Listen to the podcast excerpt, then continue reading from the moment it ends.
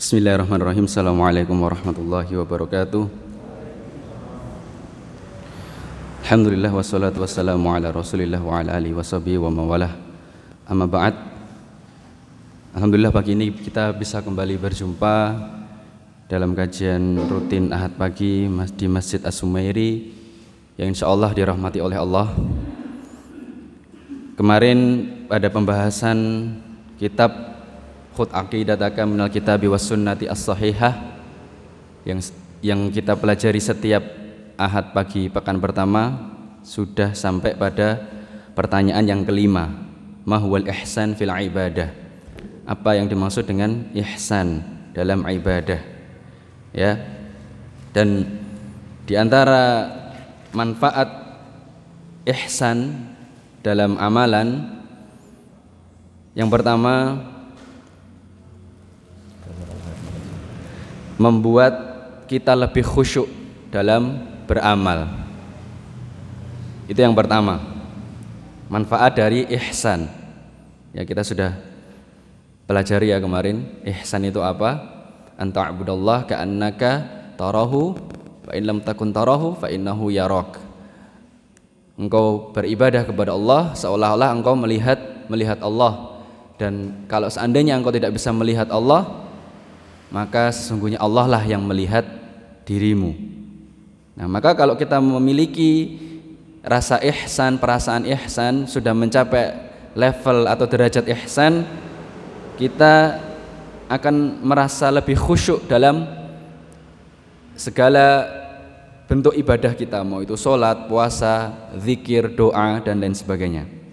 Itu manfaat ihsan yang pertama. Yang kedua, Manfaat dari ihsan adalah membuat amal ibadah kita lebih bagus karena kita merasa diawasi oleh Allah. Jadi dalam sholat kita berusaha menyempurnakan rukun-rukun wajib wajib sholat dan juga sunnah-sunnah sholat. Kita lakukan semaksimal mungkin. Ya, kita lakukan sholat dan seluruh amal ibadah kita semaksimal mungkin. Karena mengapa? Karena kita merasa diawasi oleh Allah. Dan kemudian yang ketiga, manfaat dari ihsan adalah membantu kita untuk lebih ikhlas. Ya, membantu kita untuk lebih ikhlas dalam beribadah. Karena kita tahu bahwasanya amal ibadah tidak akan diterima kecuali dengan rasa ikhlas dan juga al-ittiba mengikuti Rasulullah sallallahu alaihi wasallam. Nah, Ihsan ini membantu kita untuk lebih ikhlas dalam beribadah karena kita merasa diawasi oleh Allah. Nah, bagaimana? Pertanyaannya adalah kita bisa meraih derajat atau tingkatan ihsan ini sebagaimana yang dikatakan oleh Imam Ibnu Qayyim Al-Jauziyah yang pertama agar kita bisa meraih derajat ihsan yaitu kita mempelajari Asmaul Husna wa sifatihil ula. Kita mempelajari nama-nama Allah dan juga sifat-sifatnya yang mulia dan sempurna. Makanya para ulama ada yang mengarang kitab-kitab yang membahas tentang Asmaul Husna. Di antaranya adalah Syekh Profesor Dr. Abdul Razak bin Abdul Muhsin Al-Abbad Hafizahumullah Beliau membuat atau menulis kitab yang berjudul Fiqhul Asma'il Husna. Fikih Asmaul Husna. Ya, itu kita kalau mempelajarinya, insya Allah akan membantu kita meraih derajat ihsan. Nah ini penting ya kita mengenal nama-nama Allah. Jadi ketika kita berdoa, ya kita menyebut nama sesuai dengan apa yang kita minta. Ketika kita menginginkan rezeki, kita akan memanggil ya Rozak. Ya, nyambung. Ya, tentu tidak nyambung kalau kita meminta rezeki tapi yang dipanggil namanya adalah ya Tawab atau ya Ghafur. Ini nggak nyambung. Ya, meskipun itu juga nama Allah. Maka kalau kita mempelajari nama-nama dan sifat-sifat Allah, kita akan lebih mudah untuk meraih derajat ihsan ini. Yang kedua, cara agar kita meraih ihsan sebagaimana yang dijelaskan oleh Al-Imam Ibnu Qayyim Al-Jauziyah rahimahullah kita memperbanyak zikir atau mengingat Allah. Dengan kita memperbanyak zikir atau mengingat Allah, lambat laun akan muncul perasaan ihsan di dalam hati kita. Kita akan merasa senantiasa diawasi oleh Allah karena dengan berzikir kita mengingat Allah. Ya, dengan berzikir kita mengingat Allah. Nah, itu tadi uh, adalah ihsan, ya. Nah, sekarang kita masuk bab yang baru. Ya, bisa dibuka di bukunya halaman 14. Anwa'ut tauhid wa fawaiduhu. Ya, jenis-jenis atau macam dari tauhid dan juga faedahnya. Jadi tauhid ini ada berbagai macam atau berbagai jenis. Pertanyaan yang keenam, limadza arsalallahu ar-rusula? Mengapa Allah itu mengutus para rasul? Ya. Jawabannya adalah arsalahum lid-da'wah ila ibadatihi wan nafyi syirki anhu.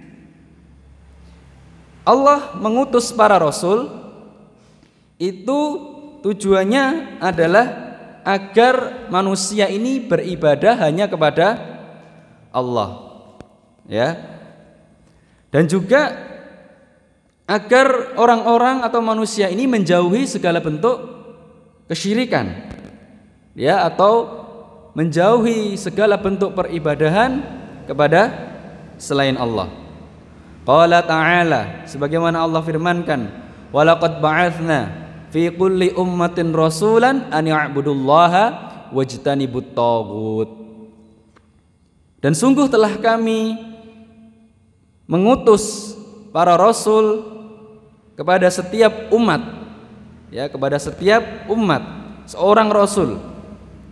Apa yang Allah perintahkan untuk disampaikan yaitu untuk menyampaikan kepada umat mereka yaitu umat para rasul-rasul yang diutus pada setiap umat tadi agar umatnya beribadah kepada Allah saja. U'budullah wajtanibut tagut dan hendaknya kalian menjauhi tagut nah apa toh tagut itu? Ya tagut itu adalah segala sesuatu yang disembah atau diibadahi ya. Kemudian yang kedua ditaati atau yang ketiga diikuti. Jadi yang namanya togut itu segala sesuatu selain Allah ya ini kata kuncinya selain Allah ya yang dia bisa diibadahi atau disembah. Yang kedua dia itu ditaati. Tentu saja ditaati bukan dalam rangka mentaati Allah. Dia mentaati dalam kemaksiatan. Dan yang ketiga diikuti. Ya diikuti. Misalnya dai-dai penyesat umat ya diikuti. Dan mereka senang diikuti ridho untuk diikuti. Nah itu adalah eh, yang disebut dengan togut. Sebagaimana yang banyak disebutkan oleh para ulama dalam kitab-kitab mereka. Adapun di sini di dalam kitab ini Syekh Muhammad bin Zamil Zainu menyebutkan yang disebut taghut asyaitan ad-da'i ila ibadati ghairillah. Yang disebut dengan taghut itu adalah setan yang mengajak untuk beribadah kepada selain Allah. Ya, karena dua hal yang tadi kan ada tiga tadi diibadahi, ditaati ataupun diikuti, mentaati dan mengikuti ini termasuk bagian dari ibadah. Maka di sini Syekh Muhammad bin Jamil Zainu e, meringkas, ya, kurang lebih seperti itu. Nah, jadi yang disebut dengan togut adalah syaitan yang mengajak untuk beribadah kepada selain Allah. Ya. Dan ini tidak hanya syaitan dalam bentuk jin ada juga syaitan dalam bentuk manusia. Ya. Minal jinnati wan nas ya. Dalam Al-Qur'an Allah sebutkan dalam Quran surat An-Nas ada setan-setan juga dari kalangan manusia. Ya. Jadi kalau ada orang yang sengaja mengikuti orang yang sudah sudah jelas itu keliru menyelisihi dalil baik itu Al-Qur'an maupun hadis ya. Kemudian orang yang diikuti pun juga senang, rela, ridho ya. Berarti orang tadi itu adalah togut kita jauhi ya seperti itu. Nah itu dalil dari Al-Quran ya. Jadi tujuan Allah mengutus para nabi dan rasul itu adalah agar manusia beribadah kepada Allah saja enggak dicampur ibadah dengan yang lain ya. Berdoa hanya kepada Allah enggak usah lewat orang-orang soleh wali-wali enggak usah. Langsung kepada Allah. Ya enggak perlu ngalah berkah di kuburan. Enggak Allah mendengar. Langsung nggak usah lewat perantara. Allah nggak butuh perantara ya itu sebagaimana yang Allah sebutkan dalam Quran surat An-Nahl ayat 36 kemudian dalilnya dalam hadis ya. Di situ Rasulullah Shallallahu Alaihi Wasallam bersabda ya. Wal anbiya'u ikhwatun li'allatin. Ya ini saya tambahkan. Kalau di situ kan Syekh Muhammad bin Jamil Zainu hanya memotong bagian yang sesuai. Ya ini sebenarnya hadisnya agak panjang ya. Wal anbiya'u ikhwatun li'allatin wa dinuhum wahid wa ummahatuhum syatta wa ana aula bi Isa bin Maryam li'annahu lam yakun baini wa bainahu nabiyyun wa innahu nazilun dan para nabi itu bersaudara li'allatin. Allah ini bisa diartikan satu bapak atau bisa diartikan juga e, saudara tiri sebapak. Kenapa kok satu bapak? Maksudnya apa? Kita tahu bahwasannya kebanyakan para nabi dan rasul itu adalah keturunan dari Nabi Ibrahim. Ya, Nabi Ibrahim memiliki dua putra yang juga menjadi nabi dan rasul yaitu Nabi Ismail dan Nabi Ishak. Kemudian Nabi Ishak punya anak Nabi Yakub dan seterusnya seterusnya. Dan dari keturunan Nabi Ismail satu-satunya yang menjadi nabi dan rasul adalah Rasulullah Sallallahu Alaihi Wasallam. Jadi kalau silsilah keturunannya itu nyambung sampai Nabi Ibrahim. Mayoritas para nabi dan rasul seperti itu. Dan kalau ditelusuri sampai atas lagi tentu semuanya adalah keturunannya Nabi Adam alaihi salam. Nah, makanya para nabi itu disebutkan di sini dalam hadis saudara, saudara sebapak. Ya. Wadinuhum wahid. Dan agama mereka itu satu. Apa? Agamanya sama. Agama apa? Yaitu Islam. Ya, Islam. Jadi mungkin di sini ada jamaah yang hadir di kajian malam Jumat e, dua, dua pekan yang lalu. Kita membahas Islam itu ada Islam secara umum, ada Islam secara khusus. Islam secara umum adalah agama yang mentauhidkan Allah. Ya, agama yang mentauhidkan Allah dan menjauhi kesyirikan. Itu adalah Islam secara umum dan ini adalah agamanya para nabi dan rasul sejak zaman dahulu kala. Ya, kalau kita lihat di Al-Qur'an banyak sekali ayat-ayat yang menyebutkan bahwasanya dakwah yang dibawa oleh para nabi dan rasul adalah dakwah tauhid. Mereka hanya mengajak sembahlah kalian Allah dan jauhilah kesyirikan. Ya, itu. Maka dikatakan agama mereka satu. Ini agama Islam secara umum. Adapun Islam secara khusus, Islam secara khusus adalah agama yang dibawa oleh Nabi Muhammad sallallahu alaihi wasallam.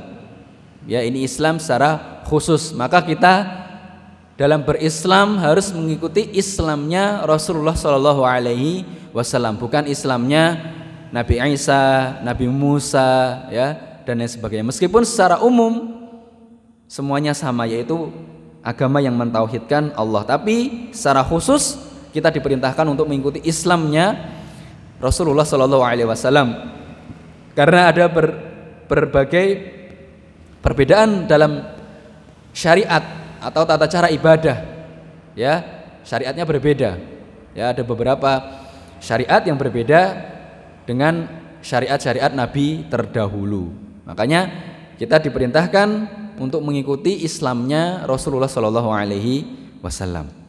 Ya, agama mereka satu, apa? Yaitu agama yang mentauhidkan Allah dan menjauhi kesyirikan. Ya, seperti itu.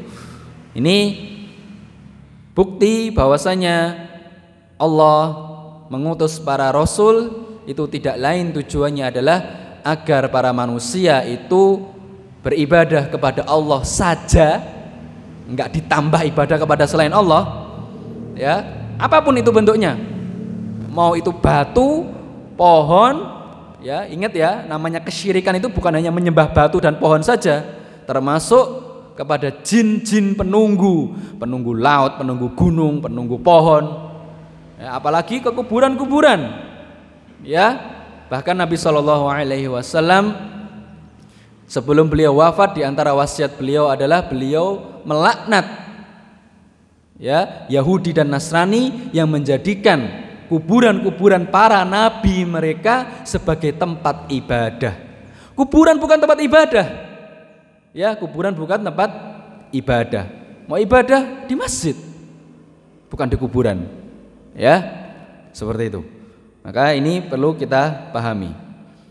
Nah, ini, jadi itu termasuk kesyirikan juga, ngalap berkah di kuburan atau ngalap berkah di mana pun. Ya. Jadi ibadah hanya kepada Allah saja. Kemudian pertanyaan yang ketujuh ya, ma tauhidur rabb? Nah, sebelum kita masuk ke tujuh, pertanyaan ketujuh, ke delapan dan ke sembilan ini adalah jenis atau macam-macam dari tauhid. Ada orang yang mengatakan pembagian tauhid ini tidak pernah dikenal di zaman para sahabat. Berarti tauhid itu nggak perlu dibagi-bagi. Ini bid'ah. Keliru. Kalian membagi-bagi tauhid. Nah, maka ya, perlu dipahami bahwasanya pembagian tauhid ini ada dalilnya di dalam Al-Quran. Lihat saja, Al-Fatihah saja itu sudah menunjukkan dalil bahwasanya tauhid terbagi menjadi tiga. Dan ini bukan dalam rangka memecah bahwasanya tauhid ini ada tiga. Itu sama kayak keyakinannya orang Nasrani. Tuhan ada tiga. Tidak. Tuhan yang kita sembah, yang kita ibadahi yaitu cuma satu Allah. Tetapi keesaan Allah itu dilihat dari tiga, tiga sisi. Bahkan ada juga ulama yang membagi tauhid menjadi dua. Ada juga ulama yang membagi tauhid menjadi empat. Semuanya tidak masalah dan semuanya ini benar. Loh, kok bisa? Karena tujuannya itu bukan dalam masalah pembagiannya, Tujuannya itu tetap satu, bahwasanya Allah itu esa, tunggal, satu. Nah, apa maksudnya pembagian jadi dua, tiga, empat? Ini maksudnya dari sisi apa Allah itu esa. Contoh sebagai gambaran untuk lebih mudah dipahami. Ya, kita mengatakan mobil itu atau rumah, rumah itu sempurna. Ya, satu-satunya rumah yang paling sempurna adalah rumah itu. Ada sebuah rumah yang mungkin mewah, yang sempurna pokoknya. Kita mengatakan itu sempurna. Nah, sempurna ini kan bisa dilihat dari berbagai sisi. Sempurna dari sisi apa? Oh, dari sisi kualitas bangunannya. Oh, dari sisi interiornya. Oh, dari sisi kemewahannya oh dari sisi kekuatan bangunannya. Oh ini banyak sekali sisi-sisi sehingga kita bisa menganggap bangunan atau rumah itu sempurna. Nah begitu pula Allah. Ketika kita mengatakan Allah itu esa, satu, tunggal, nah kita bisa melihat keesaan Allah itu dari sisi mana. Nah, ya, maka ulama ada yang bagi dari dua sisi, ada yang bagi dari tiga sisi, ada yang bagi dari empat sisi. Ya, akan tetapi yang lebih eh, apa? masyhur atau lebih banyak diketahui, dikenal, dibagi menjadi tiga. Jadi Allah esa dari tiga sisi. Tuhannya tetap satu. Jadi kalau ada orang yang mengatakan kalian itu membagi tauhid menjadi tiga itu kayak orang Nasrani, Trinitas, berarti dia nggak paham. Dia nggak paham hakikat tauhid sehingga dia mengatakan demikian. Mana kita mengatakan Tuhan ada tiga? Enggak, Tuhan tetap satu. Esa, cuma keesaan Allah ini dilihat dari tiga sisi. Bukan kita mengatakan Allah ada tiga. Ya, kalau eh, kita katakan kepada mereka kalau anda tidak paham, lebih baik anda belajar, diam, jangan komentar tanpa dasar ilmu. Ya, maka eh, ini adalah eh, kekeliruan yang yang nyata. Ya, di Al-Fatihah disebutkan banyak. Bahkan di dalam surat Maryam ayat 65 ya jelas-jelas dalam satu ayat Allah menyebutkan bahwasanya tauhid itu terbagi menjadi tiga. Jadi kalau Anda mengatakan wahai kiai, wahai ustadz atau siapa pun kalau pembagian tauhid menjadi tiga nggak ada dalilnya, baca surat Maryam ayat 65. Di situ Allah berfirman, "Rabbus samawati wal ardi wa ma bainahuma fa'budhu wastabir li'ibadatihi hal ta'lamu lahu samiyya." Ya. Rabbus samawati wal ard wa ma bainahuma. Rabb Tuhan yang menguasai, menciptakan dan mengatur langit dan bumi dan apa yang ada di antara keduanya. Ini adalah tauhid rububiyah yang merupakan jawaban dari pertanyaan nomor tujuh. Dan kemudian fa'budhu wastabir li'ibadatihi. Ini merupakan tauhid uluhiyah atau tauhid ibadah. Yang mana itu adalah jawaban dari pertanyaan nomor delapan. Yang kemudian hal ta'lamu lahu samia apakah engkau mengetahui ada sesuatu yang setara ataupun sama dengan Allah maka ini adalah tauhid yang berkaitan dengan asma was sifat nama-nama dan sifat-sifat Allah dan ini merupakan jawaban dari pertanyaan nomor 9 maka Para ulama pun sampai e, menulis kitab bantahan kepada orang-orang yang mengingkari adanya pembagian tauhid. Di antaranya yang ditulis oleh Syekh Profesor Dr. Abdul Razak bin Abdul Muhsin Al-Abbad Al-Badr hafizahumullah. Beliau menulis sebuah kitab tipis Al-Qaulis Sadid fi Raddi alaman ka, alaman ankara taksimat tauhid. Ya, ucapan yang lurus, ucapan yang benar sebagai bantahan kepada orang yang mengingkari adanya pembagian tauhid. Ya, ini kitabnya ya agak tipis ya, ringkas. Ini sebagai bantahan kepada orang-orang yang mengingkari tauhid yang katanya kalau membagi tauhid menjadi tiga ini kayak orang Nasrani Trinitas. Ya, ini orang nggak paham tauhid. Ya, kita nggak mengatakan Tuhan ada tiga. Ya, nah kita baca sekarang. Ya, itu tadi sebagai pengantar untuk pertanyaan nomor 7, 8 dan 9. Nah, sekarang kita baca pertanyaan nomor 7. Ya, dilihat di situ nom, halaman 15. Ma huwa tauhidur rabb? Apa yang dimaksud dengan tauhid rububiyah? Ya. Tauhiduhu bi af'alihi kal khalqi wa tadbiri wa ghairihima. Yaitu kita mengesahkan Allah dari sisi perbuatan Allah. Kita mengesahkan Allah dari sisi apa? Dari sisi perbuatannya Allah.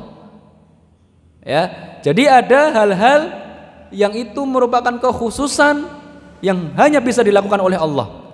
Apa di antaranya? Seperti menciptakan, ya, kemudian memelihara, mengatur, ya, apa yang diatur ya, semua yang ada di alam semesta ini. Ya, makanya di situ Allah berfirman, Di dalam Quran surat Al-Fatihah, Alhamdulillahi Rabbil Alamin. Segala puji bagi Allah, Rabb semesta alam. Rabb itu apa? Rabb itu para ulama kalau mendefinisikan di dalam kitab-kitab eh, akidah khususnya yang membahas tentang tauhid asma wa sifat Rabb itu adalah Tuhan kita sering sampaikan ini ya di kajian ahad pagi terutama ada tiga unsur. Yang pertama adalah menciptakan al khalqu yang kedua al mulku yang menguasai yang ketiga at tadbir yang mengatur. Menciptakan menguasai mengatur. Ini inti dari Rob. Robun Tuhan. Unsurnya ada tiga ini tadi. Yang menciptakan segala sesuatu apa yang ada di alam semesta Allah yang menciptakan. Nggak ada satupun yang bisa menciptakan selain Allah. Yang kedua menguasai segala sesuatu yang ada di alam semesta ini kepunyaan Allah miliknya Allah. Ya bukan milik siapa pun. Ya semuanya yang milik Allah. Termasuk kita ini adalah milik Allah. Rezeki semuanya kita milik Allah. Anak kita apa pun. Yang ketiga adalah at-tadbir, pengaturan. Ya yang mengatur, merawat, memelihara. Ya. Jadi semua yang ada di alam semesta ini Allah lah yang mengatur. Satu-satunya Allah yang mengatur, yang mengatur kapan hujan. Jadi jangan sampai kita mencela hujan. Ya, ada hujan, malah malah udan. Subhanallah. Ya. Bahkan Allah Jalla wa berfirman di dalam sebuah hadis qudsi Yu'dhini ibnu Adam yasubud dahra wa ana dahru uqallibul laila wan nahar Anak Adam atau para manusia itu menyakiti aku. Bagaimana kita menyakiti Allah?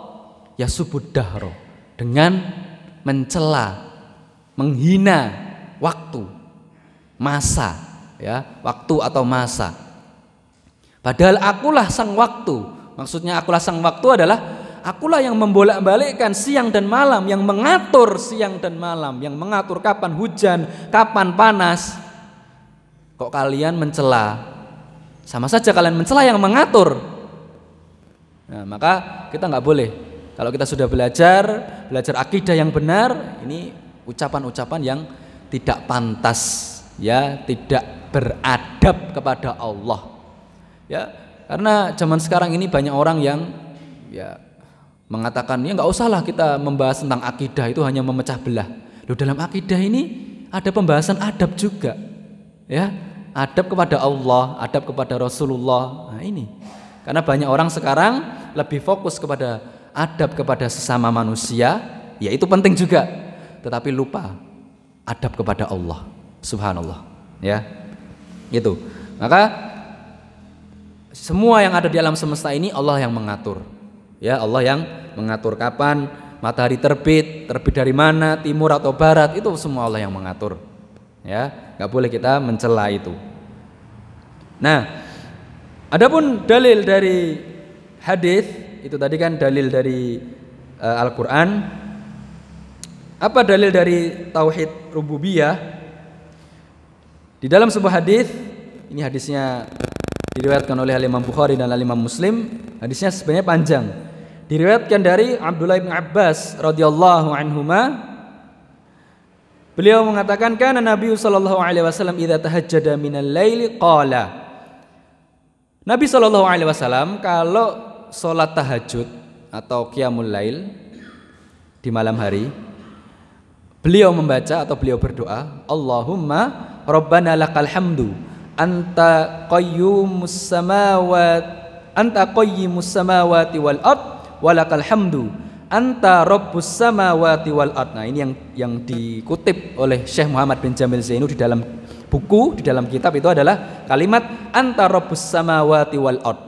Engkaulah ya Allah Rabb ya, langit dan bumi. Ya kita sudah jelaskan ya tadi definisi makna dari Rob Tuhan wa man fihinna walakal hamdu anta nurus samawati wal ard wa man fihinna antal haq wa qaulukal haq wa wa'dukal haq wa liqa'ukal haq wal jannatu haq wan naru haq was sa'atu haq Allahumma laka aslamtu wa bika amantu wa alaika tawakkaltu wa wa ilaika khasam khasamtu wa bika hakamtu faghfirli ma qaddamtu wa ma akhartu wa asrartu wa a'lantu wa ma anta a'lamu bihi minni la ilaha illa anta. Ini doa yang dibaca oleh Nabi Shallallahu alaihi wasallam ketika sholat tahajud.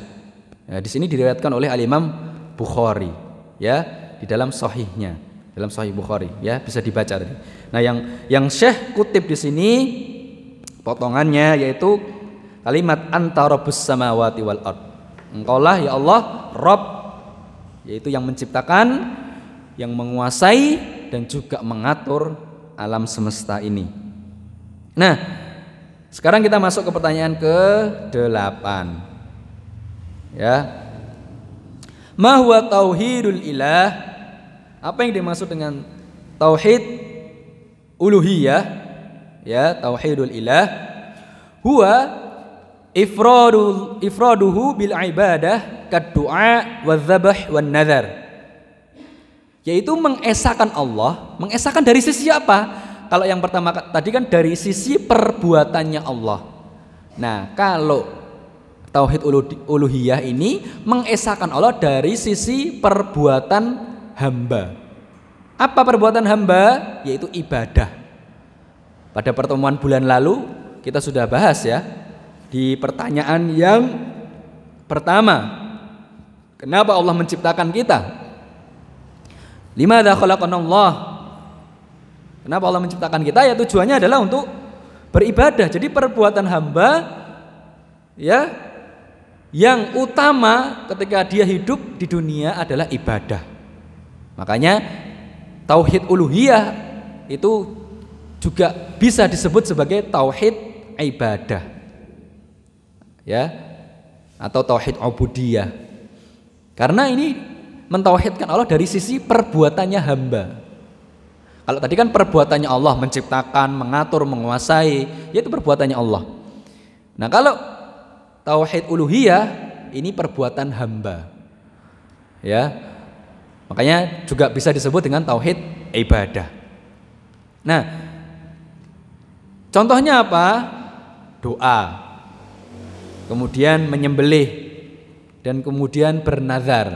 Nah, ini ada faedah. Kenapa kok yang disebutkan oleh Syekh ini doa, kemudian eh, apa? menyembelih dan juga bernazar. Kok tidak disebutkan sholat, puasa? Kan itu juga ibadah. Karena manusia banyak jatuh dalam kesyirikan dalam ketiga hal ini. Terutama yang pertama, doa. Lihat betapa banyak orang yang berdoa meminta ke kuburan bukan berdoa kepada Allah. Banyak kan ngalah berkah di makam-makam makam wali siapalah. Bahkan ke makam Nabi sendiri. Padahal dulu nggak pernah Abu Bakar, Umar, Uthman dan para sahabat radhiyallahu taala anhum ajmain berdoa meminta sesuatu meskipun mintanya kepada Allah tapi berdoanya di samping makam Nabi nggak pernah ya Terus manusia-manusia zaman sekarang ini merasa lebih pintar, lebih paham agama daripada mereka. Subhanallah. Siapa Anda? Siapa kita? Kok merasa sok tahu, lebih pintar, lebih paham agama dibandingkan para sahabat radhiyallahu taala anhum ajmain. Mereka saja manusia-manusia yang sudah dijamin surga nggak pernah berdoa di samping makam Nabi. Gak pernah minta sesuatu, gak pernah. Carikan riwayat hadis yang sahih yang menyebutkan kalau ada. Hadis yang sahih loh ya. Kalau hadis palsu ya mungkin gampang dibuat-buat. Zaman sekarang kan banyak bikin hadis-hadis palsu gampang. Padahal ancamannya ngeri, ancamannya neraka. Ya, Rasulullah Shallallahu Alaihi Wasallam bersabda, "Man kadzdzaba alayya muta'amidan falyatabawa maq'adahu minan nar." Barang siapa yang berbohong atas namaku, mengaku-ngaku itu hadis sabda Nabi, maka silahkan dia mempersiapkan tempat duduknya di neraka. Nah, ini, kalau cuma bikin hadis palsu ya banyak. Tapi kalau ada nggak hadis yang sohih yang menyebutkan bahwasanya ada salah seorang saja dari para sahabat radhiyallahu taala anhum ajmain berdoa meminta sesuatu di samping kuburan Nabi. Nggak pernah ada. Cari kalau ada. Ya nggak ada. Nah maka inilah kekeliruan yang banyak terjadi di umat ini. Makanya di sini Syekh Muhammad bin Jamil Zainu menyebutkan doa yang pertama. Karena ini banyak manusia yang terjatuh dalam kesyirikan. Ya berdoanya di makam-makam di kuburan-kuburan mereka akan membantah ngeles alasan. Kita itu kan mintanya sama Allah. Kita ini berdoa di samping makam-makam ini kan cuma biar lebih terkabul. Lebih cepat dikabulkan oleh Allah. Dari mana anda tahu? Mana dalilnya? Kalau berdoa di samping kuburan itu lebih makbul lebih mustajab. Bawakan dong ayat dan hadisnya nah, kalau dalil-dalil yang ada tempat-tempat yang diijabahi itu seperti multazam. Multazam itu tempat antara Hajar Aswad dengan pintu Ka'bah. Itu tempat yang mustajab. Berdoa di situ. Ada hadisnya. Atau di Raudhah. Raudhah itu tempat antara rumah Nabi dengan mimbar ya di Masjid Nabawi. Itu memang ada hadisnya. Ya jangan kamu mengatakan berdoa di samping kuburan itu lebih makbul. Mana hadisnya? Mana ayatnya? Nggak ada. Berarti keliru. Ya jangan kita menghukumi sesuatu tanpa dasar. Nggak punya dasar bisa mengatakan kok kamu tahu di situ lebih makbul lebih diterima oleh Allah mana dasarnya? Mana dalilnya? Kan seperti itu. Nah, makanya di dalam kitab yang kita bahas pada pagi hari ini isinya cuma ayat hadis ayat hadis ayat hadis. Karena dalam kita beragama ya khususnya masalah akidah patokannya cuma Al-Quran dan As-Sunnah hadis Nabi Shallallahu jadi manhaj atau prinsip ahlus sunnah wal jamaah itu kita mencari dalilnya dulu baru meyakini ya Cari dulu, ada nggak ayatnya, ada nggak hadisnya. Baru kita beriman, meyakini. Oh, memang ada hadisnya yang menyebutkan kalau berdoa di sini ini lebih mustajab, lebih makbul. Baru kita yakin. Jangan kita yakin dulu, wah kalau berdoa di sini ini lebih makbul ini. Baru nyari-nyari dalil, eh ketemunya hadis palsu.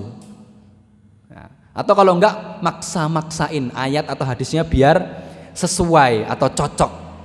Ya dipelintir ya penafsirannya. Subhanallah ini juga keliru.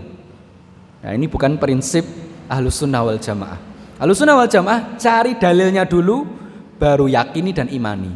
Bukan meyakini dan imani baru mencari dalilnya. Nah, nanti yang ada dalilnya dicocok-cocokin biar pas. Nah ini. Maka inilah eh, apa keistimewaan akidah ahlus sunnah wal jamaah bahwasanya akidah mereka dibangun di atas dalil di atas Al-Quran ataupun sunnah atau hadis Nabi Shallallahu Alaihi Wasallam. Ya seperti itu. Nah, maka dalilnya apa? Tauhid uluhiyah wa ilahukum ilahu wahid. Ya di buku di situ bisa dilihat. La ilaha huwa rahmanur rahim. Ya. Dan ilah ilahmu adalah ilah yang maha esa Nah, kenapa di situ e, penerbit buku ini menerjemahkan dengan ilah bukan Tuhan? Ya, karena Tuhan tadi itu lebih pas, lebih tepat ya digunakan sebagai terjemahan dari Robun. Karena Tuhan ini kan umum. Padahal Robun dengan ilah itu beda. Eh, sama-sama Tuhan, tapi beda. Robun Ya tadi ya Tuhan yang menciptakan, menguasai dan mengatur. Adapun ilah, ilah ini adalah Tuhan yang disembah atau Tuhan yang diibadahi. Itu namanya ilah, ilahun. Nah, maka di sini terjemahnya sudah pas. Karena memang beda. Begitu pula tadi di nomor 7 ya, di situ penerbit atau penerjemah menerjemahkan dengan Rob bukan menerjemahkan dengan Tuhan. Ya itu juga sudah tepat, sudah benar. Ya, karena memang ada perbedaan antara robun dengan ilahun. Ya, kalau nggak belajar kita nggak paham bedanya. Ya kita akan menerjemahkannya dengan Tuhan. Ya Tuhan yang apa dulu? Nah, seperti itu. Nah, dan ilahmu adalah ilah yang maha esa. Tidak ada ilah yang berhak untuk diibadahi kecuali hanya Dia yang maha pemurah dan juga maha penyayang ya. Yang maha pengasih juga lagi maha penyayang. Dalam Quran surat Al-Baqarah ayat 163 nah ini dalil bahwasanya dalam kita beribadah ya adalah kepada Allah saja satu-satunya. Makanya tadi Syekh Muhammad bin Jamil Zainu menyebutkan ya beribadah hanya kepada Allah. Di antara contoh ibadah adalah doa Kemudian menyembelih. Ya, kok, ya, yang disebutkan adalah menyembelih. Lihat betapa banyak orang menyembelih hewan dipersembahkan kepada selain Allah untuk penunggu. Lihat itu di pantai selatan. Menyembelih apa? Hewan. Dipersembahkan kepada siapa? Nyiroro Kidul. Ini syirik. Jelas. Ya, jelas. Karena menyembelih sesuatu dan dipersembahkan kepada selain Allah. Ya, kalau Idul Adha kita menyembelih untuk siapa? Untuk Allah. Ya. Adapun ritual-ritual yang enggak cuma di pantai selatan ya, mungkin di sekitar kita ada di pohon-pohon besar atau di makam-makam atau di mana pun itu. Pokoknya kalau ada hewan yang dipersembahkan, berarti hewan itu disembelih dan dipersembahkan kepada selain Allah dan itu hukumnya haram untuk dimakan. Jadi sesajen itu kalau panjenengan kita menemukan sesajen entah itu di mana pun ya di gunung di pohon itu kalau ada makanannya itu makanannya boleh dimakan. Kecuali daging. Karena pasti hewan yang disembelih bukan disembelih untuk Allah haram. Tapi kalau sajennya di situ ada kopi ya minum aja nggak apa-apa. Serius Ya, boleh. Halal itu. Ada pisang, pisangnya makan ya daripada mubazir kan. Ya nggak dimakan, ya makan aja pisangnya. Tapi kalau yang dipersembahkan itu daging hewan haram, nggak boleh. Ustadz, nanti kalau penunggunya marah gimana? Ya marah biarin, nggak usah takut. Kalau perlu diajak berkelahi, kalau perlu dibunuh pun bisa. Kita pernah sampaikan ya, e, mungkin masih ingat yang hadir di kajian kitab salah satu usul pada malam Jumat dua pekan yang lalu. Kita eh bukan e, di kajian Siroh. Di kajian Siroh tiga pekan yang lalu pada malam Jumat atau Kamis yang ketiga. Kita sebutkan bahwasanya namanya jin setan bisa dibunuh ada contohnya, ada.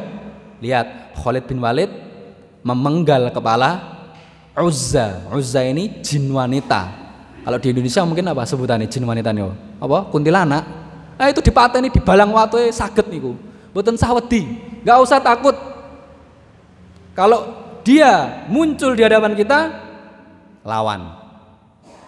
Pukul bahkan kalau perlu dibunuh pun bisa. Ini nggak kayak di film-film Film-film itu kan ya setan yang membunuh manusia. Ya, ini penyesatan, pembodohan ini. Yang benar bukan seperti itu. Justru kita bisa membunuh mereka. Ya, Umar bin Khattab berkelahi. Ya, berkelahi dengan jin. Rasulullah Shallallahu alaihi wasallam mencekik jin, dicekik. Khalid bin Walid memenggal kepala Uzza jin wanita. Eh, ini contoh-contohnya sudah banyak. Tapi karena kita ini nggak mau belajar, malah percaya sama film-film yang membodohi kita, kita nggak tambah pinter tapi tambah bodoh. Percaya saja kalau jin itu bisa membunuh kita kalau diserang tembus katanya. Enggak, bisa. Jin bisa kita bunuh. Jadi nggak usah takut sama jin. Ya, kita lebih mulia dari mereka. Itu. Nah, Kemudian dalil dari sabda Nabi Shallallahu Alaihi Wasallam ya dari hadis ya ini hadis yang panjang ya hadis yang panjang yang mana ini diriwayatkan oleh Abdullah bin Abbas radhiyallahu anhuma. Beliau uh, menceritakan bahwasanya Rasulullah Shallallahu alaihi wasallam ketika mengutus mengutus Muadz bin Jabal ke Yaman untuk berdakwah beliau bersabda innaka ta'ti qauman min ahlil kitab wahai Muadz sesungguhnya engkau akan mendatangi kaum yang merupakan ahli kitab. Ahli kitab ini Yahudi dan Nasrani. Kemudian ya ini sebagaimana yang uh, Syekh Muhammad bin Jamil Zainu sebutkan di dalam kitab fal yakun awwala ma tad'uhum ilaihi syahadatu alla ilaha illallah.